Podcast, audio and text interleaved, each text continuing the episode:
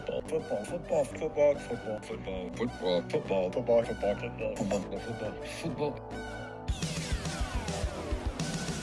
It's the football, football, football, and sometimes other sport show. Here's your host, AJ Nicoletti. What up?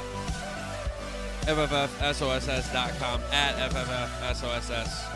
Twitter, Instagram, Twitch.tv slash AJ Nick 3. Maybe me. I knew, I know I said I was going to say, okay, we're going to do a stream for maybe Saturday or Sunday, the U.S. Open. I'll tell you more on Thursday's show. I forgot about it.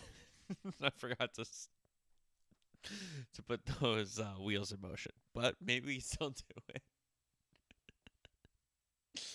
oh man, yeah. So maybe we'll do that for Saturday or Sunday, U.S. Open um, stream. But a big, big, big U.S. Open show for this pod. We will preview the 122nd U.S. Open. We'll go through the past five opens. We'll go through the history of Brookline, the course. I'll tell you about all the holes. We'll do the weather. We'll do the storyline surrounding the golfers. We'll look at the odds and I'll give you my picks for wins, top five, top 10, top 20s. Then we'll do some soccer transfer rumors. World Cup playoffs. The field is set. 32 nations have now qualified for the World Cup in Qatar. Then we'll talk Nations League, UEFA Nations League. Then NFL headlines, NBA Finals, Stanley Cup Final. And then we will have reaction and recap to Obi Wan Kenobi episode five. So again, just like the last few um, Thursday pods, and then we had the one uh, that Tuesday pod where the episodes have come out. Right. I will tell you. I will give you fair warning and forewarning of when to stop the show. Okay, so we'll do that at the end of the show. In between U.S. Open and Wan Kenobi, we might have more than an hour in those two things.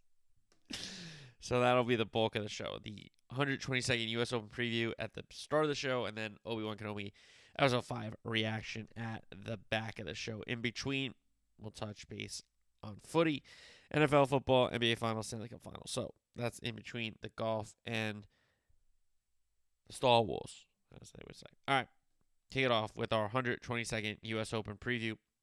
The past five U.S. Opens, 2021, Jon Rahm won it 600 at Torrey Pines. Bryson won it with the same score at Winged Foot in 2020, the king of bomb, uh, bomb and gouge.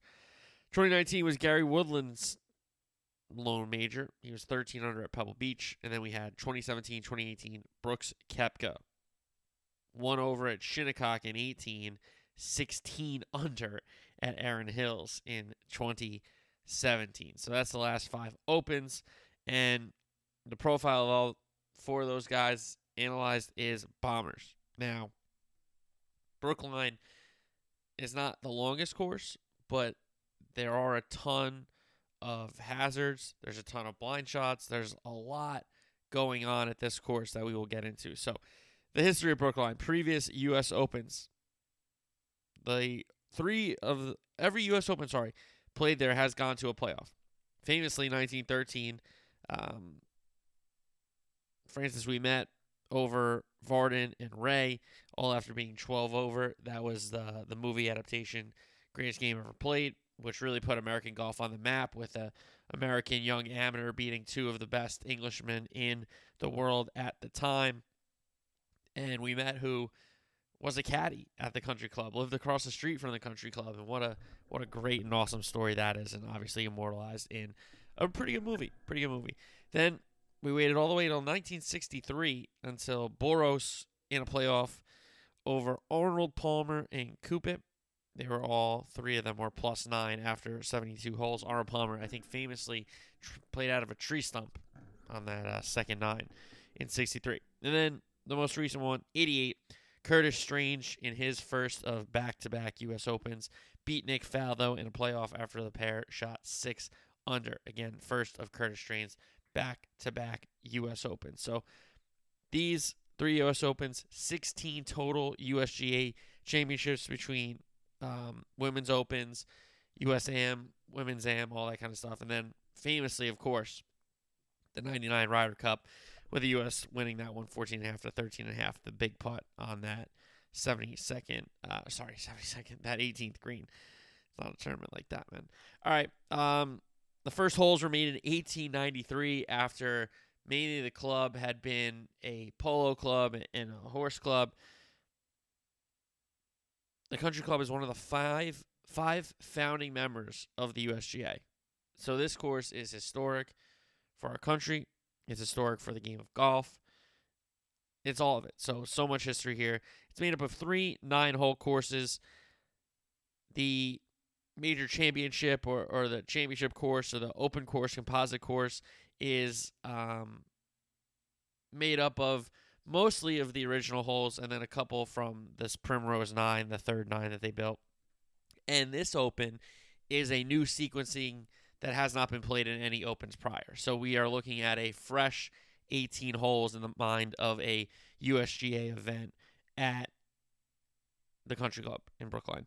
So the course itself, I've you know, I've seen a lot of it on YouTube videos and, and watching and then, you know, looking at the coverage and all this kind of stuff. To me, you know, and you heard Rory say it's kind of like Shinnecock and Pebble. I think you throw in Merion there because Merion had so many blind shots, the the US Open that Justin Rose won outside Philly there. I think it's Merion meets Shinnecock meets, Pe- meets Pebble. Shinnecock with the fescue, oddly shaped holes, that kind of stuff. Pebble with the small greens. I, I Merion with the blind shots. I feel like all three of those you can kind of combine into this golf course. So normally it's a par 71, but it's going to be a par 70 for the championship 35 35. Gil Hanse restoration, same Gil Hanse that um, brought back Southern Hills. Okay. So we got that. He made the greens a little bit bigger, even though they're quite small to begin with. So a touch bigger. And he took out a lot of trees that brought the course kind of back to what it was in the beginning. All right. So the trademark US Open rough is up. Yes, there is gradual rough, but some holes it's five feet of graduated rough. Some holes it's like three feet of graduated rough. Okay. Um, not only is a rough up, but there's a lot of fescue. A lot of fescue that is just going to eat up balls and make it really hard for guys to, you know, make pars because you don't know how your ball is going to come out of that fescue consistently. So, um, ton of fescue. These small undulating greens there's a lot of ridges in these greens.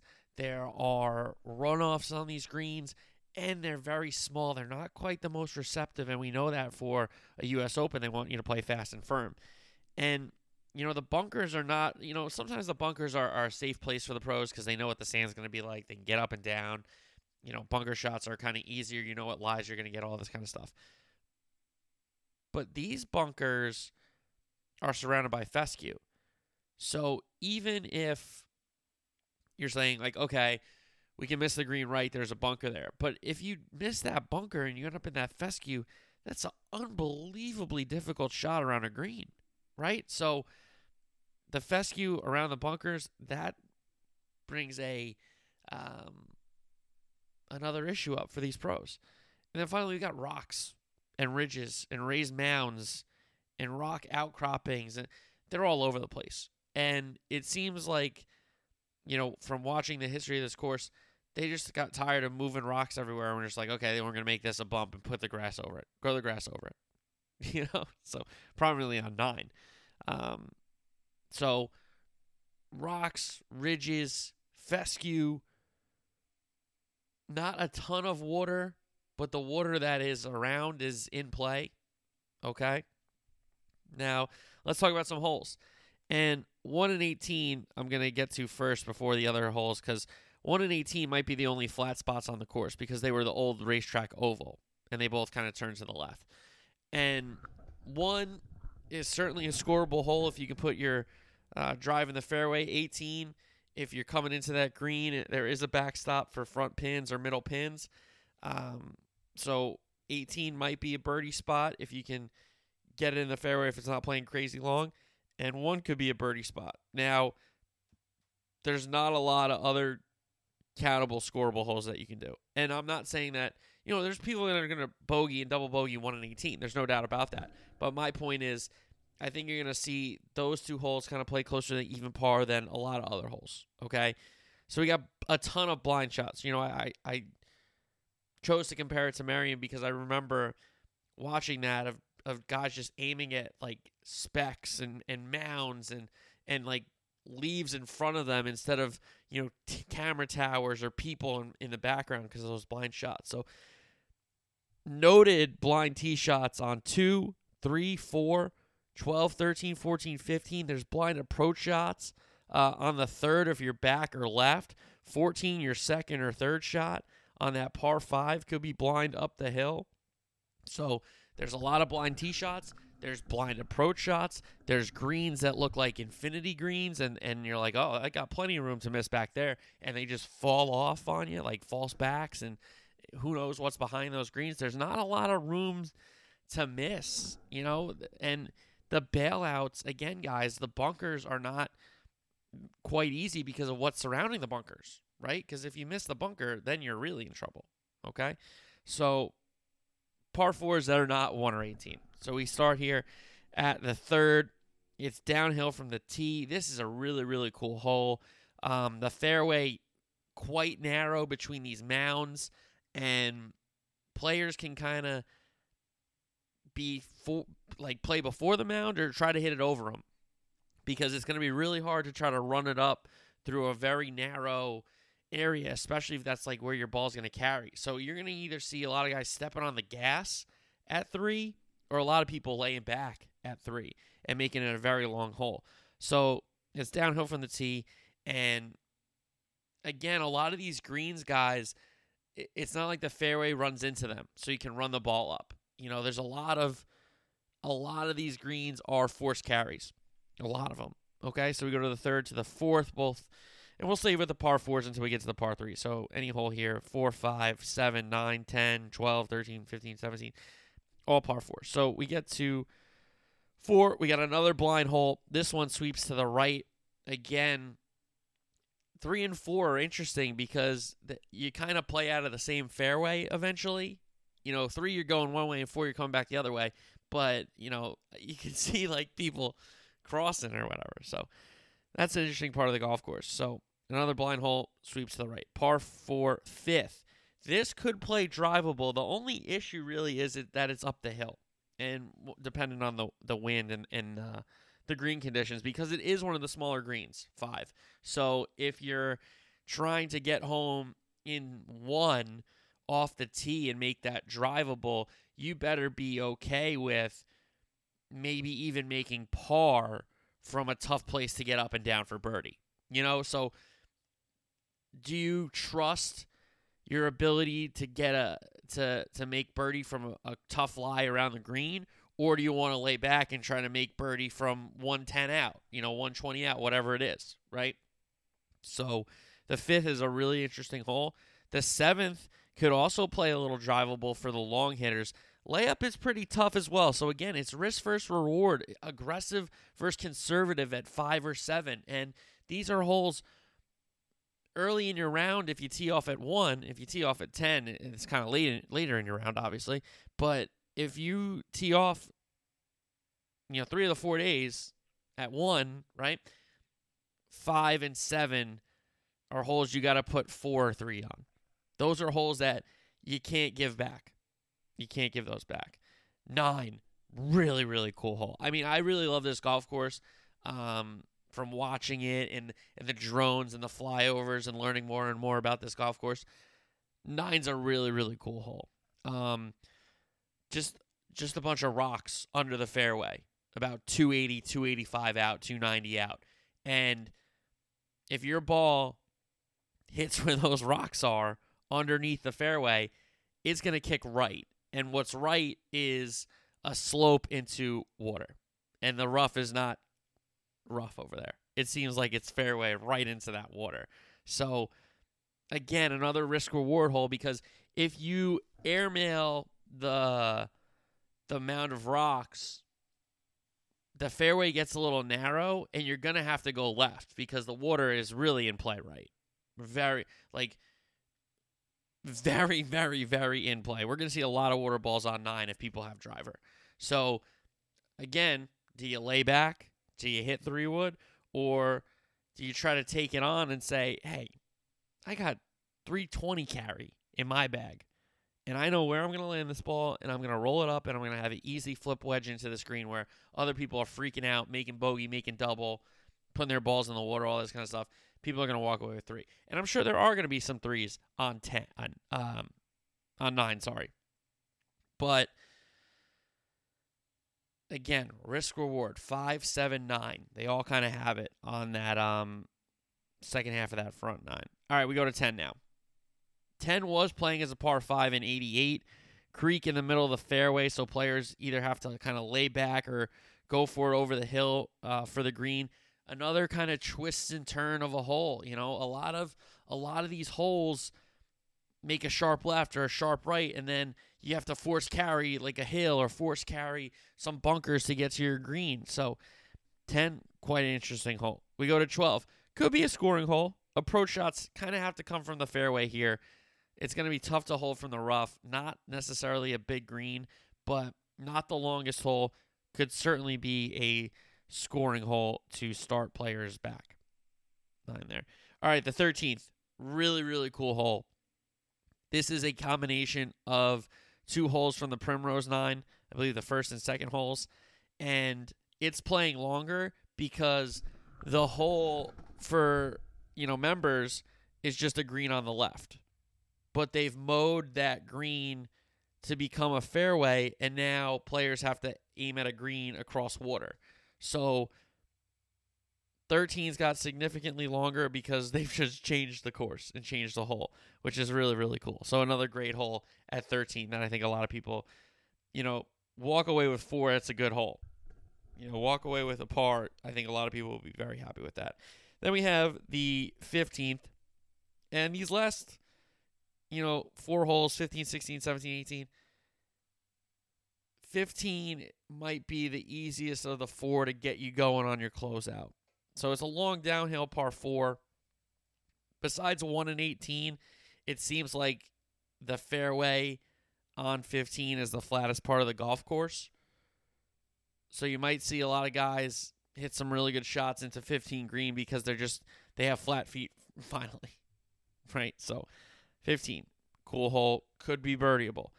17 could be drivable some days, but a two-tiered false front green um, would make it difficult for balls to hold that um, putting surface if they're not landed in the the the right area, right? So uh, this hole played the most difficult in 1988, which is quite interesting. A lot of history on this hole. Ouimet, birdied it in its final round and in the playoff. Um, 18, the 17th, you know, 71st hole to, to get into the playoff, and then, you know, in the playoff, the 17th hole of the 18th hole playoff to birdie it. You know, that's, big stuff. Very, very big stuff. So, um, 17th again could play drivable if they're if they're gonna be somewhat like I really hope they don't just like make every hole the longest it can be every day. I, I think that's kind of lame. I want to see players like try to risk it and see what happens. So, uh, 17, cool hole. All right, par threes now. 2, 6, 11, and 16 are the par threes, and three of those four, 2, 6, and 16, are all playing longer than 190 and could all play longer than 200 yards. Uh, the second, quite a tough uphill par three. Um, you don't really see what you're aiming at because you're down the hill and you're climbing up to a hole that is a par four for the members and it's a par three for you championship week. So enjoy that. You know, a green that's supposedly a par four and now it's a par three for you guys. So that's a two. Six is the only original hole left from the first six holes that were created in 1893, I believe, uh, when they started to convert the club from a polo and horse club into more of a golf club. So, I mean, another awesome amount of history at that golf hole at six. So then we get to the 11th, the downhill par three, which is no more than 130, 140. It's going to play much less than that, in my opinion, because it's downhill. So this hole is really cool because it hasn't been played in the U.S. Open since 1913, and it's a hole that in 63 and in 88 the players walked past and were like, "Why aren't we playing this hole?" And you know the USGA recognized that hey, we should bring this hole back because at a U.S. Open it, it it's cool to have a short par three. You know, yes, the conditions are very tough. Yes, it is the toughest test in golf with the toughest field, all that kind of stuff. I agree, and it should be, and it should be the the the major that is relatively closest to par. I'm fine with all that, but that doesn't mean we can give we can't give guys a a, a 120 shot. You know, so I really like that hole. That's a really cool hole, especially you're going 9, 10, 11, 9 really cool hole, 10 really cool hole, 11 really cool hole. And then the last one at 16, we got a new tee box at 16 to lengthen that hole. It's a tight tee shot. The trees are kind of right. It seems like they're right on top of the green because of how kind of dense they are, it looks like, from the tee. You got a little bit of room behind the green, but you don't have much. And those trees, they, they seem like they can. Uh, cause a lot of people a lot of trouble. So those are the par threes. Only two par fives.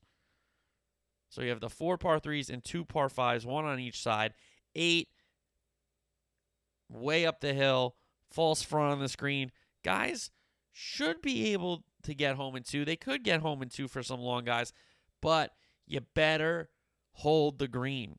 You better have enough club to catch something and hold up there because that false front could run all the way back to you 30 yards, 40 yards, 50 yards, depending on the speed coming down the hill. And then you have a, a uphill pitch shot that you don't know where you're landing the ball. And you can't, not only do you not know where you're landing the ball, you can't see because it's so uphill. So, eight scoring hole, yes.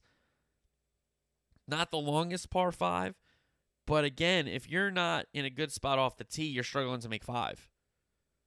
Okay. And even if you hit a good uh, drive, if you hit a good second that's either on the green or close to the green, holding that green is pretty tough. So that's at eight. And then we get to 14, which was a par four in 88. And now it's up to 619 yards you have a flat landing area off the hill, but then the green, it seems like it's three floors up from where you are on the fairway. So are players gonna hammer driver and try to try to get something on that second level with the with their second shot, or you go iron iron wedge and just make it a three hole shot, and you you're gonna be blind on your second or third shot most likely, especially your third shot um, if you laid it up. But going up that level, you know, and another small green, I mean, that's a really, really difficult hole. And just because it's a par five, people like, oh, pros pros birdie par fives all the time. They birdie par fives in their sleep and get eagles when they really can't. I don't know if we see an eagle at 14 all week. I'll be honest with you. It's not it's not really a ton of eagleable holes here. All right. Okay, so that is the course. We went through every hole there, which was pretty cool. Hopefully you enjoyed that. Hopefully you enjoyed that. Uh, weather. Thursday is looking like partly cloudy, high of 79, low of 66. Winds coming out of the south with uh, about 60 miles an hour. Gusts in the 20s and low 30s.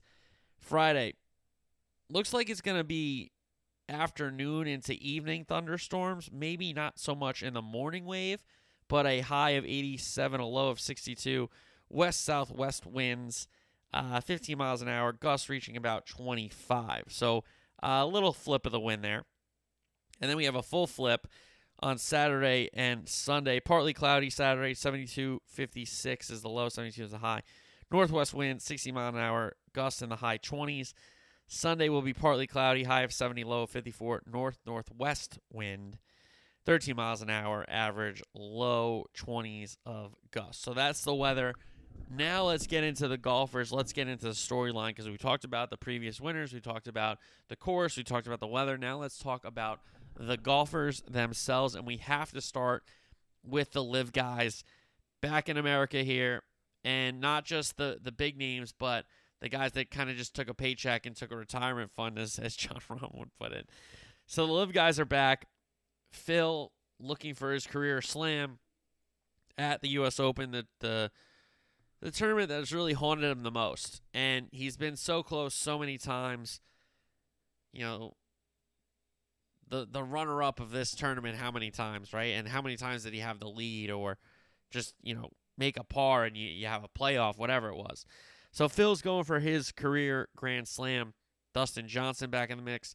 Patrick Reed, Bryson DeChambeau, among others coming back from LIV. Listen, I DJ to me showed you by taking the money that he doesn't really care about majors anymore.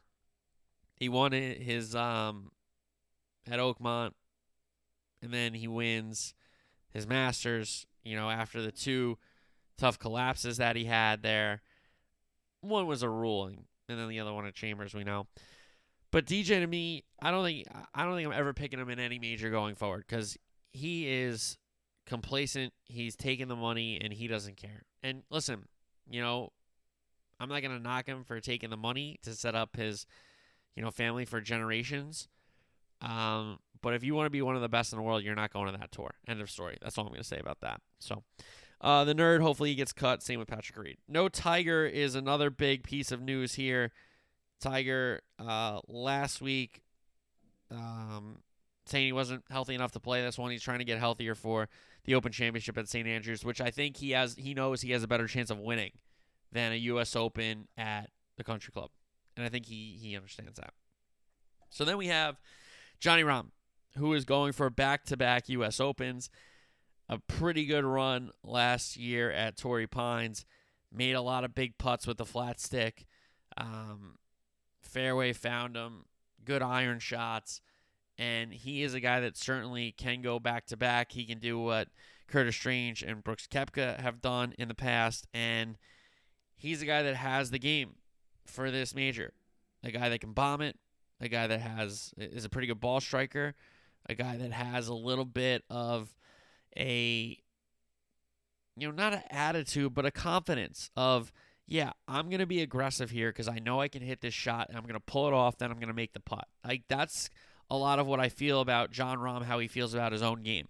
A very confident player, uh, believes in his abilities, and thinks he can go out there and shoot really good rounds at a at a uh, major championship, a U.S. Open. So he's done it. He's won one, and now he returns to the major as the defending champ. So let's see what Jon Rahm can do. Listen, I would not be shocked if Jon Rahm won. Absolutely not. Rory, obviously the guy I love picking. Rory going for back to back wins coming off that Canadian Open win. And Rory seemingly, you know, last five, six majors, he's run out of holes. And he's been the guy on Sundays that has either posted a number or been around and people start worrying about Rory McIlroy. So Rory to me we know he has the game to win a U.S. Open. We know he can bomb the ball. We know he can hit his irons as high as he wants or as low as he wants with the trajectory, control the spin, and do all this kind of stuff. But Rory, for me, it doesn't come down to tee shots.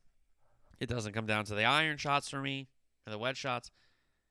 If he can continue to putt, okay, and when he gives himself birdie opportunities to make those putts, and when he doesn't, just find ways to make a par. Do not three putt. You know, even if you think you can make a 20, 25 footer for birdie, it's the U.S. Open. Give yourself a lag putt at worst, like a gimme at worst. You know, so Rory to me, we know how talented he is, and he's been a factor in these majors Unfortunately, he's either had a bad round or a bad stretch of holes. Whatever he's done, um, he's just run out of gas. Whether that be between you know scoring the ball itself or um, scoring the ball a little too late. So Rory, a storyline here. JT is going for back-to-back majors, looking for his third. It would be his first U.S. Open after capturing his second PGA Championship earlier this year at Southern Hills. And JT absolutely could win a U.S. Open. A guy who has the length, a guy who is a ball striker. Again, kind of the Rahm confidence. And if you're one of these top players in the world, you should have that kind of confidence, a little bit of arrogance, but it's on the line, right? So JT found his game again in a major championship. It was here, it was there, it was, you know, he was in contention for a couple, then he would miss a cut, then he wouldn't be, you know, anywhere. A big Sunday charge at Southern Hills. He was awesome in the playoff, right? JT has to do it for four days. And I don't think there's going to be a crazy weather day. Maybe it's Friday and it, and it gets delayed into Saturday a little bit. But there's no like 50 mile an hour wind day. You know, there's no, oh my God, it, it's gone down to the 40s in New England. No, I don't think that's going to happen like, could it get a little cool and crisp? Sure, it could get a little cool. That's fine. A little southwest of Boston there. But, you know, the only reason JT didn't really run away with that tournament was that tough round and that tough weather. You know, that Saturday moving day. So, JT looking for back to back majors. Jordan Spieth. Can Jordan Spieth find his swing? Can he find his game for 72 holes in a major tournament? I think he can he has kind of changed off the tee into a little bit of a bomber. He wasn't, you know, the shortest hitter, but he wasn't like the longest when he was winning his major championships. Now he's kind of added some length off that tee. He's gotten a little more confident with that driver. And we know that when he's sticking irons and wedges in there, he's going to make more putts than he's going to miss. And he can roll in a 50 footer. He can roll in a 40 footer. You know, we've seen him make 60 foot putts. So any putt on the green, he thinks he can make it, which is a great attitude to have and a great thing about your confidence. But then when you blow it past the hole eight feet and you have an eight foot comebacker for par, like that's kind of tough, right? But Jordan Spieth, where's his swing at? Where's his game at? Where's his head at? I think he's ready to win another major championship. Don't get me wrong, it's very difficult. It's a difficult course to win at, but why can't it be Jordan Spieth's time? So, Spieth, quite an interesting character here. Morikawa, who I have, you know, in my notes, pure ball striker. Can he make the putts? But apparently, and he's talked about this, he's gone from hitting a fade to hitting a draw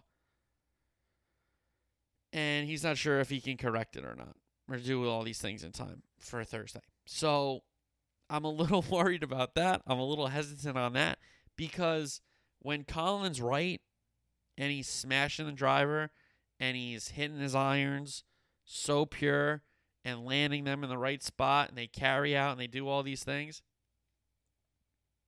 he is one of these guys that when they have their A game, he's on that level of, hey, you're not beating him, right? So it does kind of worry me that all of a sudden he's hitting a draw, but he might still strike that ball really, really well. And it just might be a weird thing that he's hitting a draw, but he's just hitting one. So if he can figure it out and work it out and play with that and make putts on top of that, Collin Morikawa could have his second major this weekend and be a PGA champion and a U.S. Open champ. So, Scotty Scheffler now.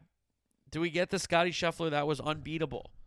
You know, the Scotty Scheffler at the beginning of the year that tore into Augusta and just said, hey, my tournament, thanks for coming out. Green jacket, my first major. I'm going to get another one this year, by the way. Because he was unbeatable. Can he find that again after pretty poor PGA where he had experience. You could say he didn't get the better draw, fine, but um, that's a guy that we got to talk about every major going forward because he can play that good of golf. over four days, and we've seen it. So does Scotty Scheffler find his game over four rounds, or is he lost a little bit? You know, after taking some time off after the Masters into the U.S. Open there. I mean, he played some tournaments, but he didn't play every tournament. Is basically what I'm saying. So Scotty Scheffler, the form was that um, that was unbeatable. Does he get back to that? Brooks Koepka, same kind of question. A guy who's won multiple U.S. Open, a guy who's won multiple PGAs, a guy that's done really well in majors when he has his game. You know, a lot, a, a lot of top fives, a lot of top tens, a, a really, really great player in these major championships, but has struggled. Whether it be the injury, whether it be you know making a ton of bogeys on on one of the days of Thursday and Friday and not and not making the cut, whatever it was, Brooks Koepka was not playing Brooks Koepka type golf. And, you know, to be 16 under at a U.S. Open course, yes, I know it was Erin Hills. Yes, I know they're probably not going back there because people tore it apart. But that just shows you how great he is in this championship. And then to win at one over at Shinnecock, where that place was playing so, so difficult. I think a lot of people thought, hey, plus five might win this thing, right? But plus one won it, and Brooks was the best of the entire field that weekend. Can he find that form again? All right, let's get into the groupings of guys now. Cam Smith, Xander Schauffele, Patrick Cantlay, Tony Finau. These are four guys that I say in the finally breakthrough category. Cam Smith has been knocking on a major championship door now um, since like the COVID Masters, where he was the only player to shoot four rounds in the 60s. Xander Schauffele has five straight top tens at U.S. Opens, so he's kind of in contention. Again, not the longest player, but a good ball striker, a good go- golf course manager. Okay, Patrick Cantlay, another guy. When's it going to be his turn? Tony Finau. When's it going to be his turn on a Sunday of a major championship to hoist a trophy or put on a jacket? So those four I kind of put in their own category right now. Cam Smith, Xander Schauffele, Patrick Cantlay, Tony Finau. Guys that haven't won but are very close. Now I have the young gun list or the the young vets. Put them together. Cuz Zalatoris, just kind of like Cam Smith, and I don't want to put a ton of pressure on Willie Z in the can he finally break through category because that's not fair to him. Okay. But Zalatoris has been playing really good golf in major championships. Sam Burns hasn't been playing bad golf. Max Homa's showed up. Hovland is hit or miss. So Hovland's kind of interesting. Niemann, same kind of guy. Really good game. Can he put it together? Varner, interesting player here. But out of these, you know, out of this category, Zalatoris is the best player. Then I'd say Hovland. Then I would say Homa. Burns, Niemann, Varner, nice players, but I I think those three are better. All right, let's get to the Brits. My guy Matty Fitzpatrick won a U.S. Amateur at the Country Club.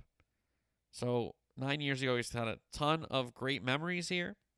Uh, a guy that has shot up odds boards because people not only believe in him that it's his turn to start really competing in these championships, but of course he's won at in a big USGA event, and he has shown up and played well in major championships. Tommy Fleetwood, same kind of guy. You know, if, if Tommy was American, I'd put him in the Cam Smith, Xander, Cantlay, Finau group. Even though Cam Smith's Australian. But I like grouping the Brits together. Fleetwood, good player. Justin Rose, U.S. Open winner at Merion. Is it another time for Jay Rose? A guy that is kind of a meth- methodical golfer. You know, put the ball in the fairway, put the ball in the green. You know, make a putt or make two, or make the second one.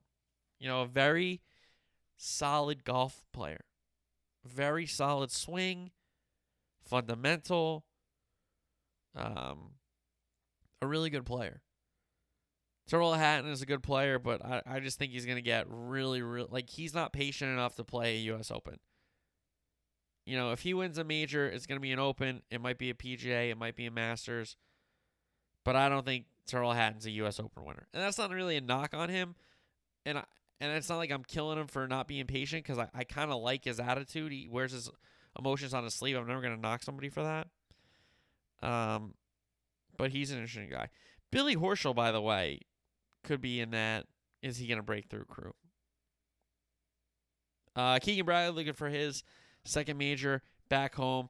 Keegan's been playing better golf and golf in major championships and golf in big tournaments recently, and has shown up. And I think he's got some history at the country club, if I'm not mistaken. And he's a guy that why not? Why not Keegan Bradley? Another uh, group of guys can get their second major: Matsuyama, Shane Lowry, Webb Simpson, Gary Woodland.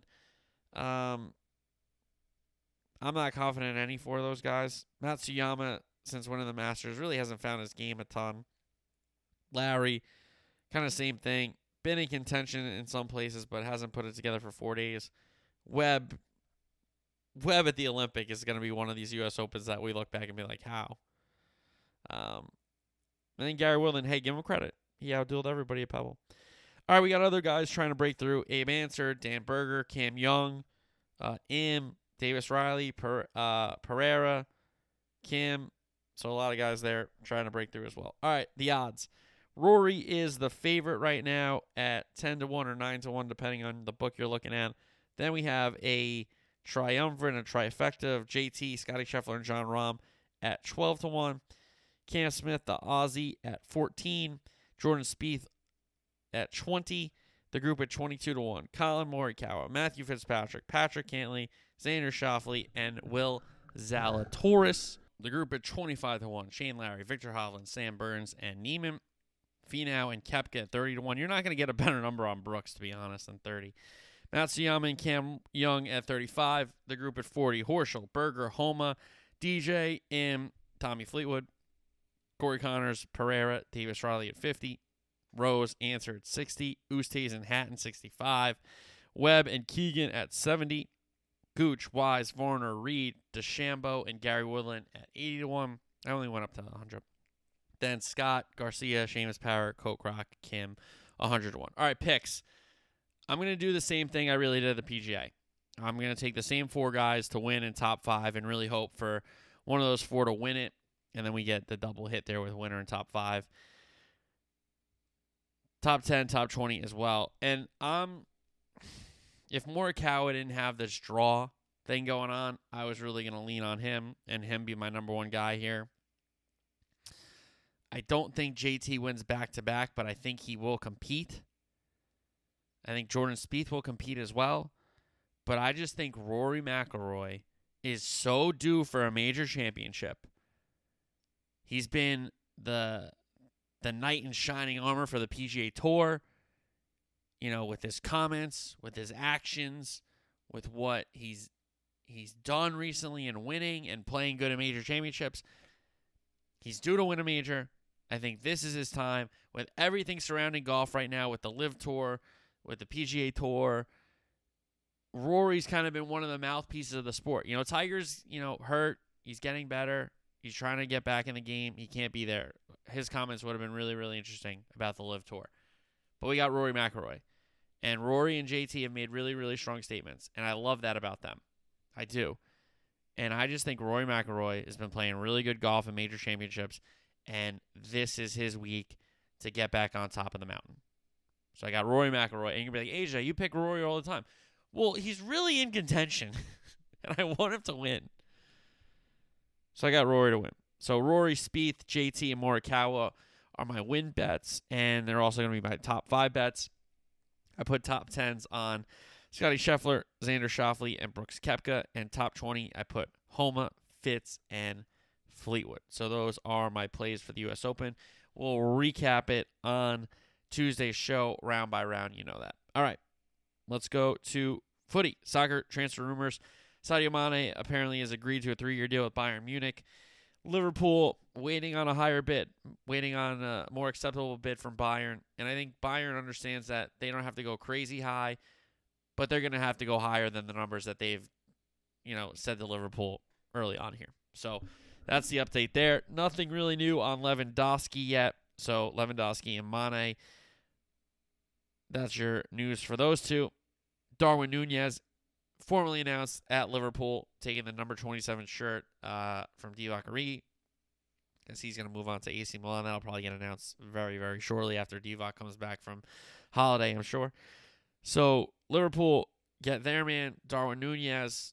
That answers the um, shot sent by Man City to get Haaland.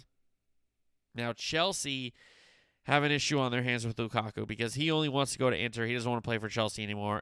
But the teams have started talking, and yes, though it won't be a transfer seemingly just yet, Inter have offered a loan deal and Chelsea have rejected it. So Inter's either going to have to up what they're going to pay for Lukaku on a loan or Chelsea might sell him somewhere else. Who knows? But again, you know, selling a player doesn't just come down to, oh, we found a team for you. You're to, your contract carries over all that. No, no, no. They had to negotiate another contract. So Lukaku only wants to go to Inter, but the teams have started talking. So that is progress there. Frankie de Jong says there's no news for him because he's at one of the biggest clubs in the world. And why should he go anywhere? So kind of shutting down those Manchester United rumors. Uh, Vinicius Jr. has a new deal at Real Madrid. Nottingham Forest is talking to Manchester United about Dean Henderson. Uh, Nottingham Forest had some players on loan. Some of their players are being sought after. So trying to secure a goalie would be a really, really smart move. And Dean Henderson is definitely a guy that is looking to play first team football and not sit behind David De Gea, who, to be honest, though, was one of United's players, the lone players that were trying last season. Uh, you probably should have moved on from him when Real wanted him. Just saying. Bissouma wants to go to Tottenham. Tottenham want him. That move is getting closer and closer. Conte has told the board players he wants to bring in, and it seems like the board is trying to bring him in, which is kind of new at Tottenham. Uh, maybe a changing of the guard there. So there you go. All right, World Cup playoffs. Costa Rica, New Zealand for spot 32 of 32. Costa Rica win it. Campbell with the goal. There was a straight red card for New Zealand. They had a goal taken away as well that could have equalized the game before the red card, but goal was off the board, then a red card. So Costa Rica, Pura Vida, as they say, Pura Vida. Costa Rica on to the World Cup. So maybe like in a couple weeks we'll do like a, a tier segment. We'll figure it out. But yeah. All right, Nations League, England, Hungary. Hungary embarrasses England. England have not scored a goal from open play in like seven hours. That is embarrassing. Southgate is a genius, huh? I told you that. Play five at the back with two defensive midfielders. Yeah, how are you going to score? What an idiot. Germany, Italy. Germany won 5 2. Kimmich, Gundogan from the spot. Mueller and a Werner brace. Italy didn't feel their best team. I think everybody knows that, but you still don't want to get trounced by that by a rival. Uh, Netherlands, Wales. Netherlands won at 3 2. Gareth Bale had a stoppage time equalizer only for Memphis Depay to score a stoppage time winner. So 3 2 Netherlands. And then Belgium beat Poland 1 0 on a Mickey Batshuayi goal. All right, uh, NFL headlines.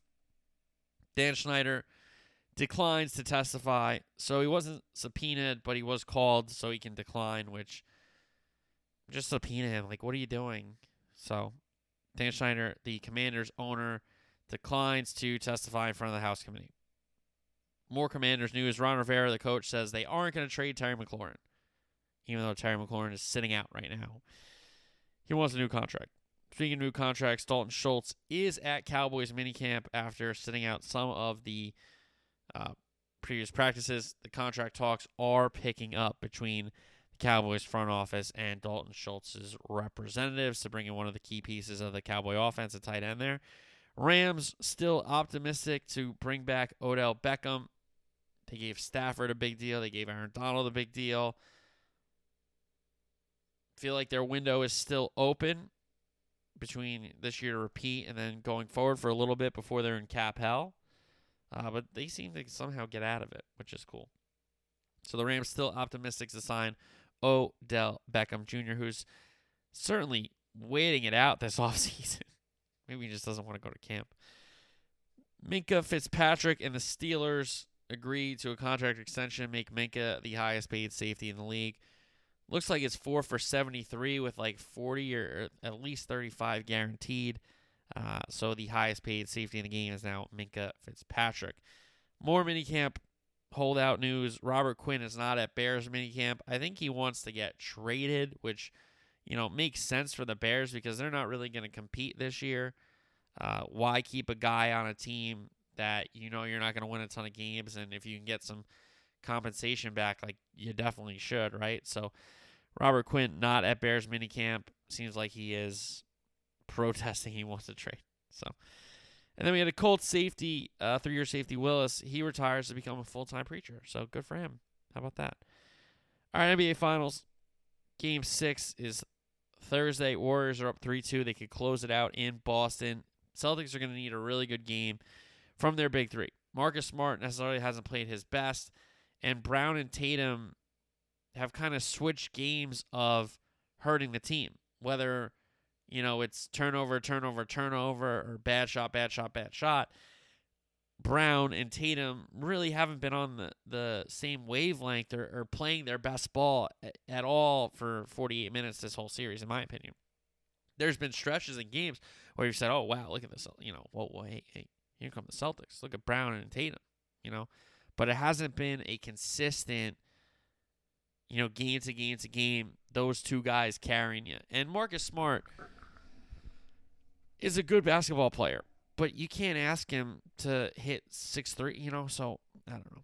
That's just my take there. So the Warriors could close it out in Boston.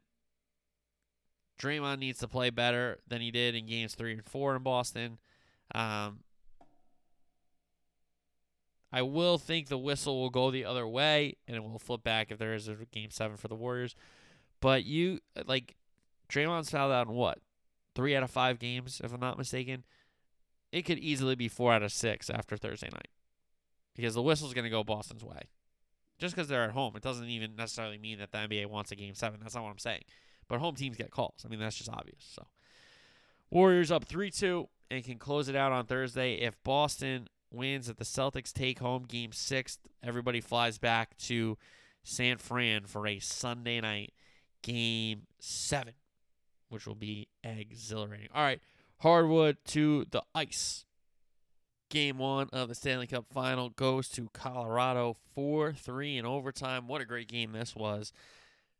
Building was jumping in Denver. Brayden Point was back for Tampa Bay, so that was a big miss after uh, missing the two previous rounds, if I'm not mistaken, right? Because he got injured in the first series, I'm pretty sure. And then he wasn't available for the four game sweep of the Panthers. He was not available for the six games against the New York Rangers, but he's back for game one of the Cup final. Avs got two goals in that first period. The building was rocking. Couldn't get the third to really be, uh, put Tampa in a big hole because Tampa gets one back. They make it 2 1. Then the Lightning take two kind of dumb penalties, to be fair. Avs score on that 5 on 3 power play to make it 3 1, and that was the score at the end of the first 20 minutes. Then in the second period, we had a that was a great period for the Lightning. They found their game, two goals in 48 seconds to tie the game, and we were tied for the remainder of the second and then into the third period. Couple chances in that third period, some good saves. Uh, Maroon actually put the puck over the glass with what less than two minutes left, right? Because then it expired in overtime. Yeah, so like 130 ish left, I'm pretty sure. He put the puck over the glass. Avs a couple half chances and then a chance at the buzzer, um, but it was saved by Vasilevskiy. So we go to overtime. The power play expires. Avs come in on an odd ah, man rush, but it seems like Tampa has it covered until Victor Hedman's block goes right back to the Avs, and Vasilevskiy was in no man's land because the block kicked to somebody, then they made a cross ice pass, and Burakovsky had a pretty much wide open net to bury it and give the Avs their first win in this series in game one. So the Avs need three more to win the cup final, and Tampa needs to rise from the ruins of this tough game one where, hey, they fought and they were down 2 nothing. Could have packed it in and said, okay, that team has a ton of rest. We don't. You know, let's try to go for game two or whatever. They get a goal back. Then they take two dumb penalties, give Colorado a five on three, which Colorado eventually scores. Uh, but a great, great, great second period from the Lightning. Uh, heart of the champion type stuff. And give them credit for hanging in on the road quiet in that crowd. And then we get to end of regulation where Maroon takes the penalty. The building kind of gets a little bit back into it. Avs do have those chances late, can't get it done, but then get it done in the overtime coming from that odd man rush and the uh, block shot that just turned into another chance for the Avs. So Avs have to feel pretty good about that first game. Needed to win it after having those leads. Um, if they blew those leads like and and lost this game one, that would have been a really really bad outcome for them. But they win it, and now if they win game two, they hold home ice and they go to Tampa up 2-0. Now Tampa can, you know, nobody really expects you to take two games on the road in games one and two. But if you come back home with a sweep, it is a big or with a split, sorry, with a sweep. If you come back home with a split, it is a pretty big deal. So Tampa still can do that if they win game 2. Colorado still has to um, hold serve and win game 2 to make it 2-0. So Burakovsky wins it first career playoff overtime goal in 92nd playoff game. I'm reading that from Van Pelt's uh, Sports Center, so credit Scott Van Pelt Sports Center for that stat. I'm sure somebody said it, but Avs win it 4 3 in game one over the two time defending Stanley Cup champion Tampa Bay Lightning. Okay, now we get to the portion of the show, which is the Star Wars portion of the show. So if you are watching Obi Wan and you have not watched all of episode five, stop the show. If you are trying to watch the episodes and you haven't started yet, stop the show. But if you are caught up to date, if you are excited about episode five and want to hear my reaction, continue the show. So here's your moment to say, okay, I either want to hear about Star Wars or I don't want to hear about Star Wars. And it could be that you don't want to hear about Star Wars because you're not interested, which is, hey, you know, teach each their own. Or it's because you don't want spoilers. But if you want to hear about Star Wars, now's the time. So, without further ado, Spoilers, spoilers, spoilers, spoilers, spoilers, spoilers, spoilers, spoilers, spoilers. Okay, now that's being said. Obi Wan Episode 5. The haters better shut their mouths. Okay? That's that's how we're going to start this. Because I have enjoyed the show. Regardless if I think it's good or uh, any Star Wars content that's live action, I'm usually to watch. Now, the Boba Fett stuff, I wasn't really into Boba Fett. Everyone thinks he's a cool hero. I don't really care for Boba Fett. I like the good guys. My bad. Sorry. Anyway, but we got so much this episode. Okay, we got a ton of Hayden Christensen as Anakin. We got a ton of powerful Vader. We got a ton of people's backstories that everybody was crying about. Like this, this person shouldn't know this, and this person. Shut up. It's all answered, and we got an episode left. So the haters, after a week of going on the Reddit and seeing people complain, and then people complain about the complainers, and then people complaining about the complainers complaining, I was just hoping for a good episode that everyone could shut up. Because I didn't mind episode four. I thought it was, yeah, it, it had some other, it had to, they had to do things to get to where we have to be. Like, I, I just, it's Star Wars. Like, suspend your belief for five minutes. Stop trying to nitpick everything for five minutes and just enjoy it. So, hopefully, you did that. Because all the things that I was saying, we don't get Hayden Christensen in any flashbacks. Vader is nerfed. Uh, what? How does Reva know all these things? All those things got answered.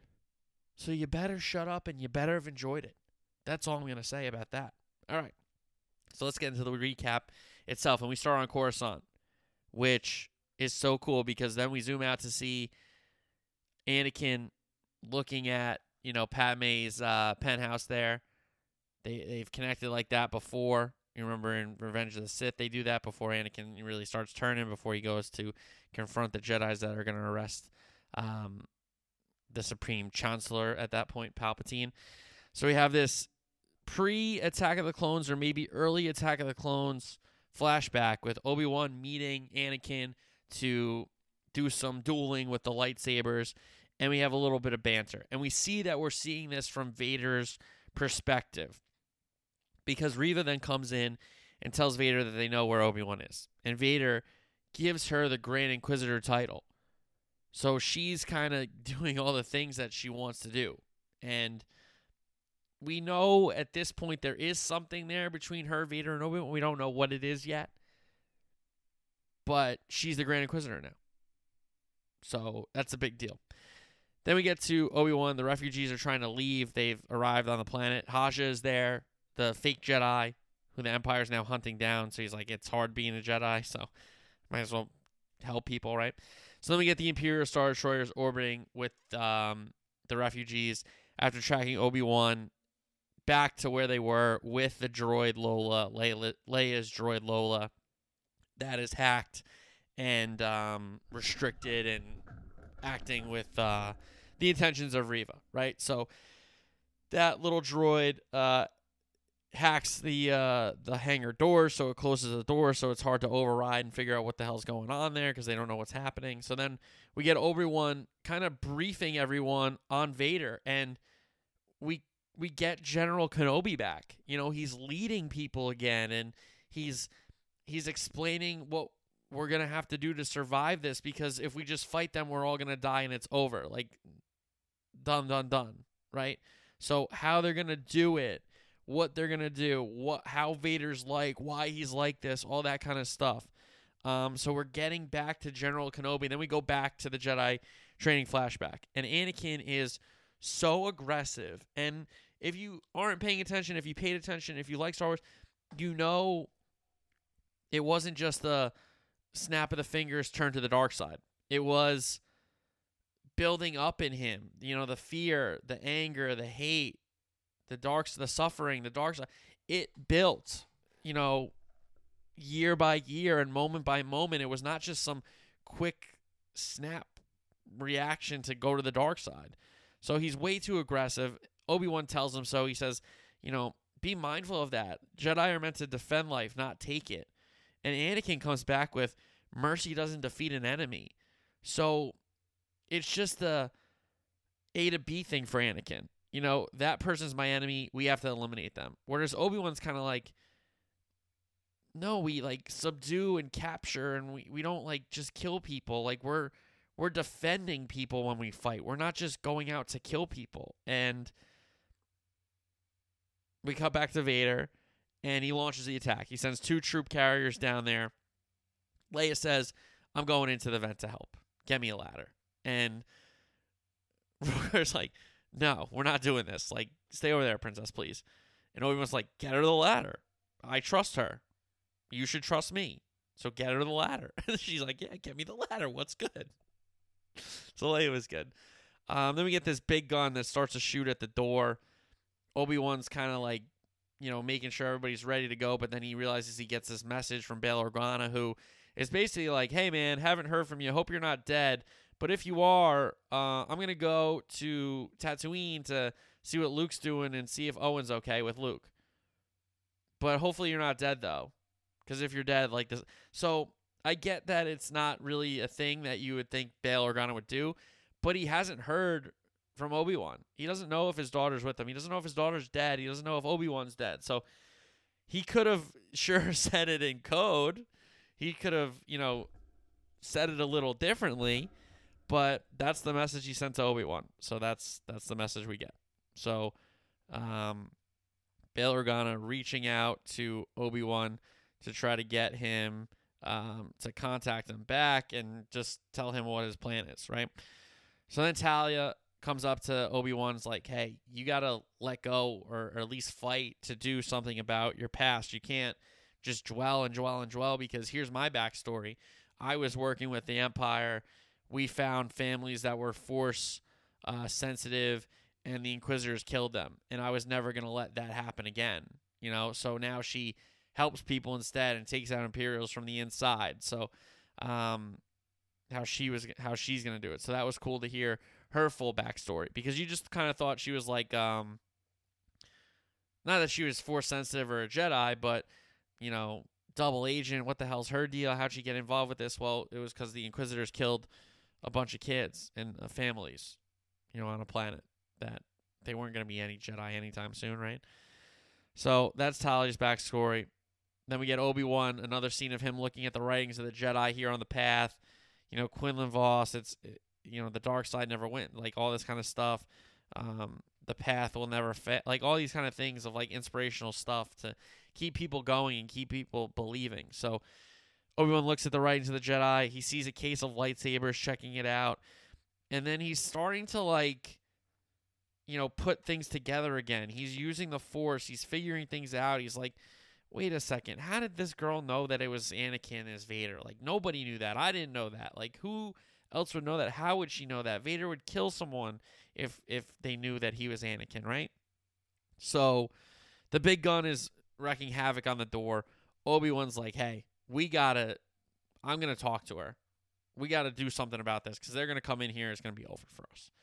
So Obi-Wan requests to speak to Reva. They kind of meet at the blast door and are kind of talking through the wall and Obi-Wan starts to put together the pieces of yes, Reva was that girl we saw in the opening scene surviving Order 66 that we didn't know when she survived because her flashback happens of Anakin with the 501st clone troopers cutting down younglings, cutting down Jedi, and even putting a lightsaber in her stomach and her somehow surviving, right? So she's basically telling Obi-Wan like Anakin killed all my friends. We thought he was there to help us and he and he killed my friends. He he could have killed me. He, should, he thought he killed me whatever. And like where the hell were you Kenobi? And like Obi-Wan should have said, "Hey man, I was fighting Grievous and trying to end the war. It wasn't my fault that I wasn't with him. Like the council made us split up." But she's like, "He's your Padawan." So she obviously still hates Obi-Wan because he failed Vader, but she's kind of revealed her whole thing here. She wants to get close to Vader to kill him. All the things she's done, she's just tried to get Grand Inquisitor to kill Vader, to get her vengeance, her personal vengeance against the evil Lord of the Sith. So she hates Obi Wan. He felt uh, he felt Anakin. Um, she's been playing the Empire this whole time, and Obi Wan kind of like re- starts to recruit her to not the light side, to not the Jedi, but at least he'll be like, okay, yeah, kill him then. I bet you won't. like, like kind of like that. So she kind of like snaps and is like, all right, I'm this is over. I'm not doing this. Shut up. So she uh, puts her lightsaber through what was beginning to be the hole in the blast door, kind of like what Qui Gon Jinn did in Phantom Menace, which was cool.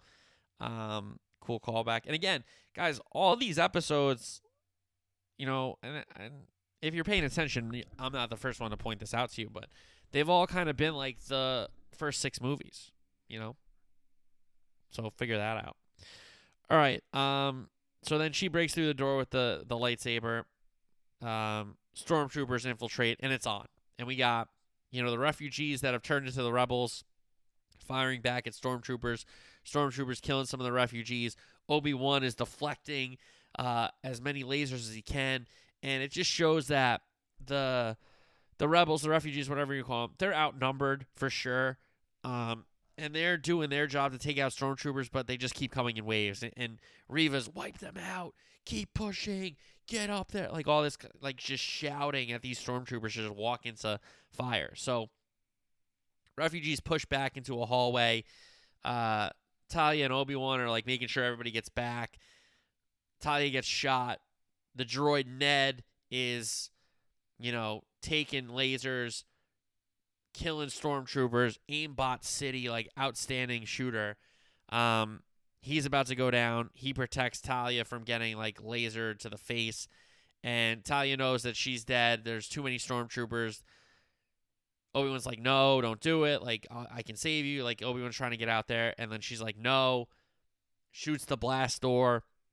Blast door starts closing, and she reveals that she has a thermal detonator, chucks it, and kills a lot of stormtroopers, makes them back up. So at that moment, they had to retreat another door, basically. So now they're kind of shooting at this other door. Um, but Vader tells Reva to stand down because he, he's like, We got him now. Like, what are we doing here? And then we go to the Jedi flashback again. And we see a lot of the same movements that they're foreshadowing to the Mustafar showdown. You know, the way Anakin is kind of um, backing down, you know, Obi Wan and, and, just walking into him and, and, just saying, "Hey, like I'm here, I'm backing you down." And um, he pushes Obi Wan back, very similar to the way Luke pushes Darth Vader back in Return of the Jedi, and then cuts off Vader's hand, and then throws his lightsaber away eventually. We didn't get to that part here because Obi Wan kind of ducks out of it um, after uh, Anakin says, "No way out, Master. Admit you're beaten." So, flashback ends. Obi Wan comes back and says, um, "I gotta surrender. I gotta give her a chance to kill Vader, uh, take my weapons, Haja." Um, and they're like, "You're fighting without weapons," and he goes, "There's other ways to fight." And you're like, "Whoa, he's he's getting it back. Like he's he's getting it back, right?" So Obi Wan surrenders. Um, and then he says to Reva straight up, You're not bringing him to me. I'm bringing him to you. So again, he's trying to talk to Reva and sway her to kill Vader. And she basically said, Well, how am I supposed to do that? He's like, Well, he's going to be so focused on me, he's not going to see it coming from you. Um, and she sends Obi Wan back inside because now she's like, Oh, maybe. Maybe that will work. Maybe I'll follow him and kill him, and while he's fixated on you, whatever, whatever they're gonna do, right? So she's thinking of that. She sends Obi Wan inside with only two stormtroopers. Easily out of that, kills both of them, goes back to the guys. Um, and then we get Vader arriving, okay? And we're finally taken back to the second to last time before the Jedi, training flashback because Obi Wan ducks out of um, that, you know, little exchange where he has him like over the top of him. But then Obi Wan disarmed by Anakin um, and Obi Wan says to him, you know, after he says it's over, Anakin says it's over, right? Obi Wan says, "Your need for victory it blinds you." Okay, so then we get back to Vader right away, and Vader is ripping through the doors. You know, he's so, so, so, so powerful. It's scary how powerful he is. Um, he's breaking through the doors, and the ship with the refugees, with Obi Wan, with Leia, we're believed to think at this point, is taking off, and he just reaches his hand back and pulls it back. You know, similar to what Rey did in Force Awake, uh, no, last, uh, Rise of Skywalker. Sorry. Um, apparently, this Starkiller guy does it to a Star Destroyer in one of the video games. I'm not really familiar with it, but I'm seeing that in all the videos that I watched today. Um, but he holds the ship back. He pulls it to the ground. He rips the ship open, but there's no one in there. And as he's ripping it open, the other ship takes off, and before he can kind of pull the other ship down, the ship takes off. So that other shuttle flies off, and we go back to the tr- uh, the training flashback for the last time because Obi Wan kind of is without a lightsaber, little hand to hand move to get free, and then he force pulls Anakin's lightsaber and now he's done. So he says to Anakin, You're a great warrior, Anakin, but your need to prove yourself is your undoing. Until you overcome it, a Padawan you will still be. So just straight up kind of not sunning him, but trying to teach him a lesson, and he just won't learn. He won't learn these lessons to control himself, to be mindful, to not think about it as a a a to B kind of thing of fighting someone. It's it's it's more fluid than that. It's more gray. It's not just black and white. That's why, you know, the Sith deal in absolutes. Like you're evil or you're not evil. You know, uh, all this kind of stuff. We're the good guys. You're the bad. Whatever. So, um, that was really cool with uh, Obi Wan there, and then we have Vader standing there looking at the opening in the hangar door, and Reva from behind ignites her lightsaber and tries to kill him. And she just she made the wrong like in the moment where he's holding the ship back, go kill him. Like, what are you doing? That's your moment. Not when he's staring and pissed off and like he just pulled his shit back. So he basically toys with her with the force, pushing her all over, stopping her advanced swings with the lightsaber. She does the double thing with the Inquisitor, like so she goes double blade like Maul, but then it starts spinning. He stops it. He pulls it away from her. He snaps it in half, keeps the one end ignited, and throws the other one at her and says, Okay, fight with me with that. Like, wins it back, toys with her again. Looks like he might behead her the way he beheaded Dooku in uh, the beginning there of Revenge of the Sith, but he doesn't. Um, he just sticks the the blade right through her stomach, like Reva did to the Grand Inquisitor, who just happens to come by and say hello. So the Grand Inquisitor has recovered. It was a trap all along because Vader stabbed her the same way he stabbed her in the stomach in Order 66 because he knew all along that she was the youngling because he says it to her. And it was all a plan for Vader. The real Grand Inquisitor is back. He used Reva to get to Obi Wan, and he's gonna have another shot at him. He thinks, um, but he knew who Reva was. He felt it in the Force. He knew all these things, and and why she was doing the things she was doing was to get to him. And she knew he he he knew she was that youngling that he stabbed. Like that's insane. That was so cool. Um, so we have Reva kind of laying on the ground there as Vader and the Inquisitor walk out. We go to the shuttle, and the hyperdrive is down, so that's going to be the storyline for episode six. Um, the the Empire is going to catch up to that shuttle really fast, right?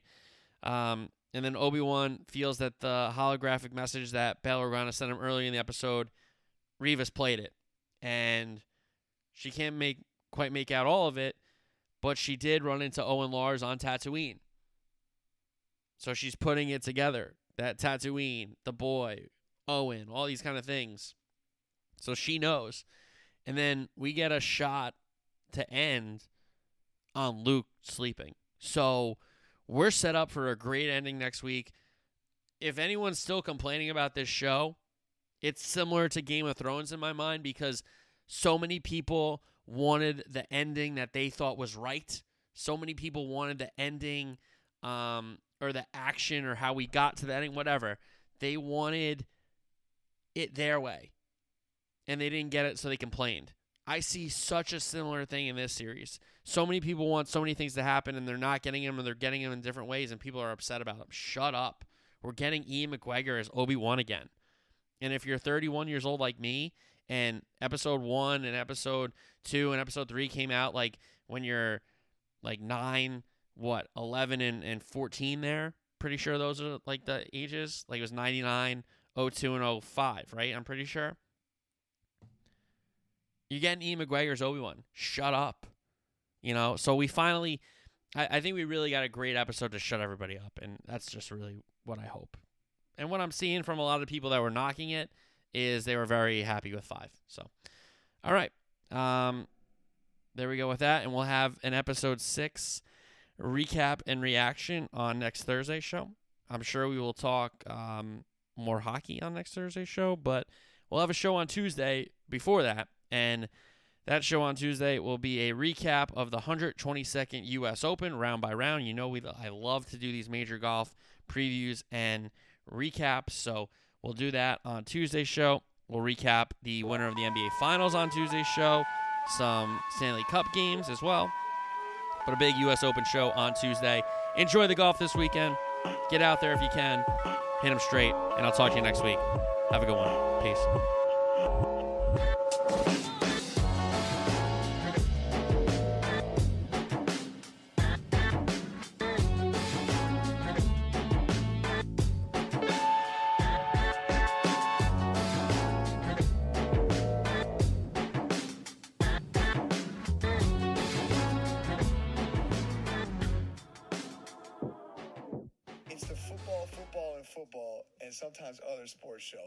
Name of it. Guys, check out his podcast. That sounds like my kind of podcast. Football, football, football, and sometimes other sports show. Sounds like me.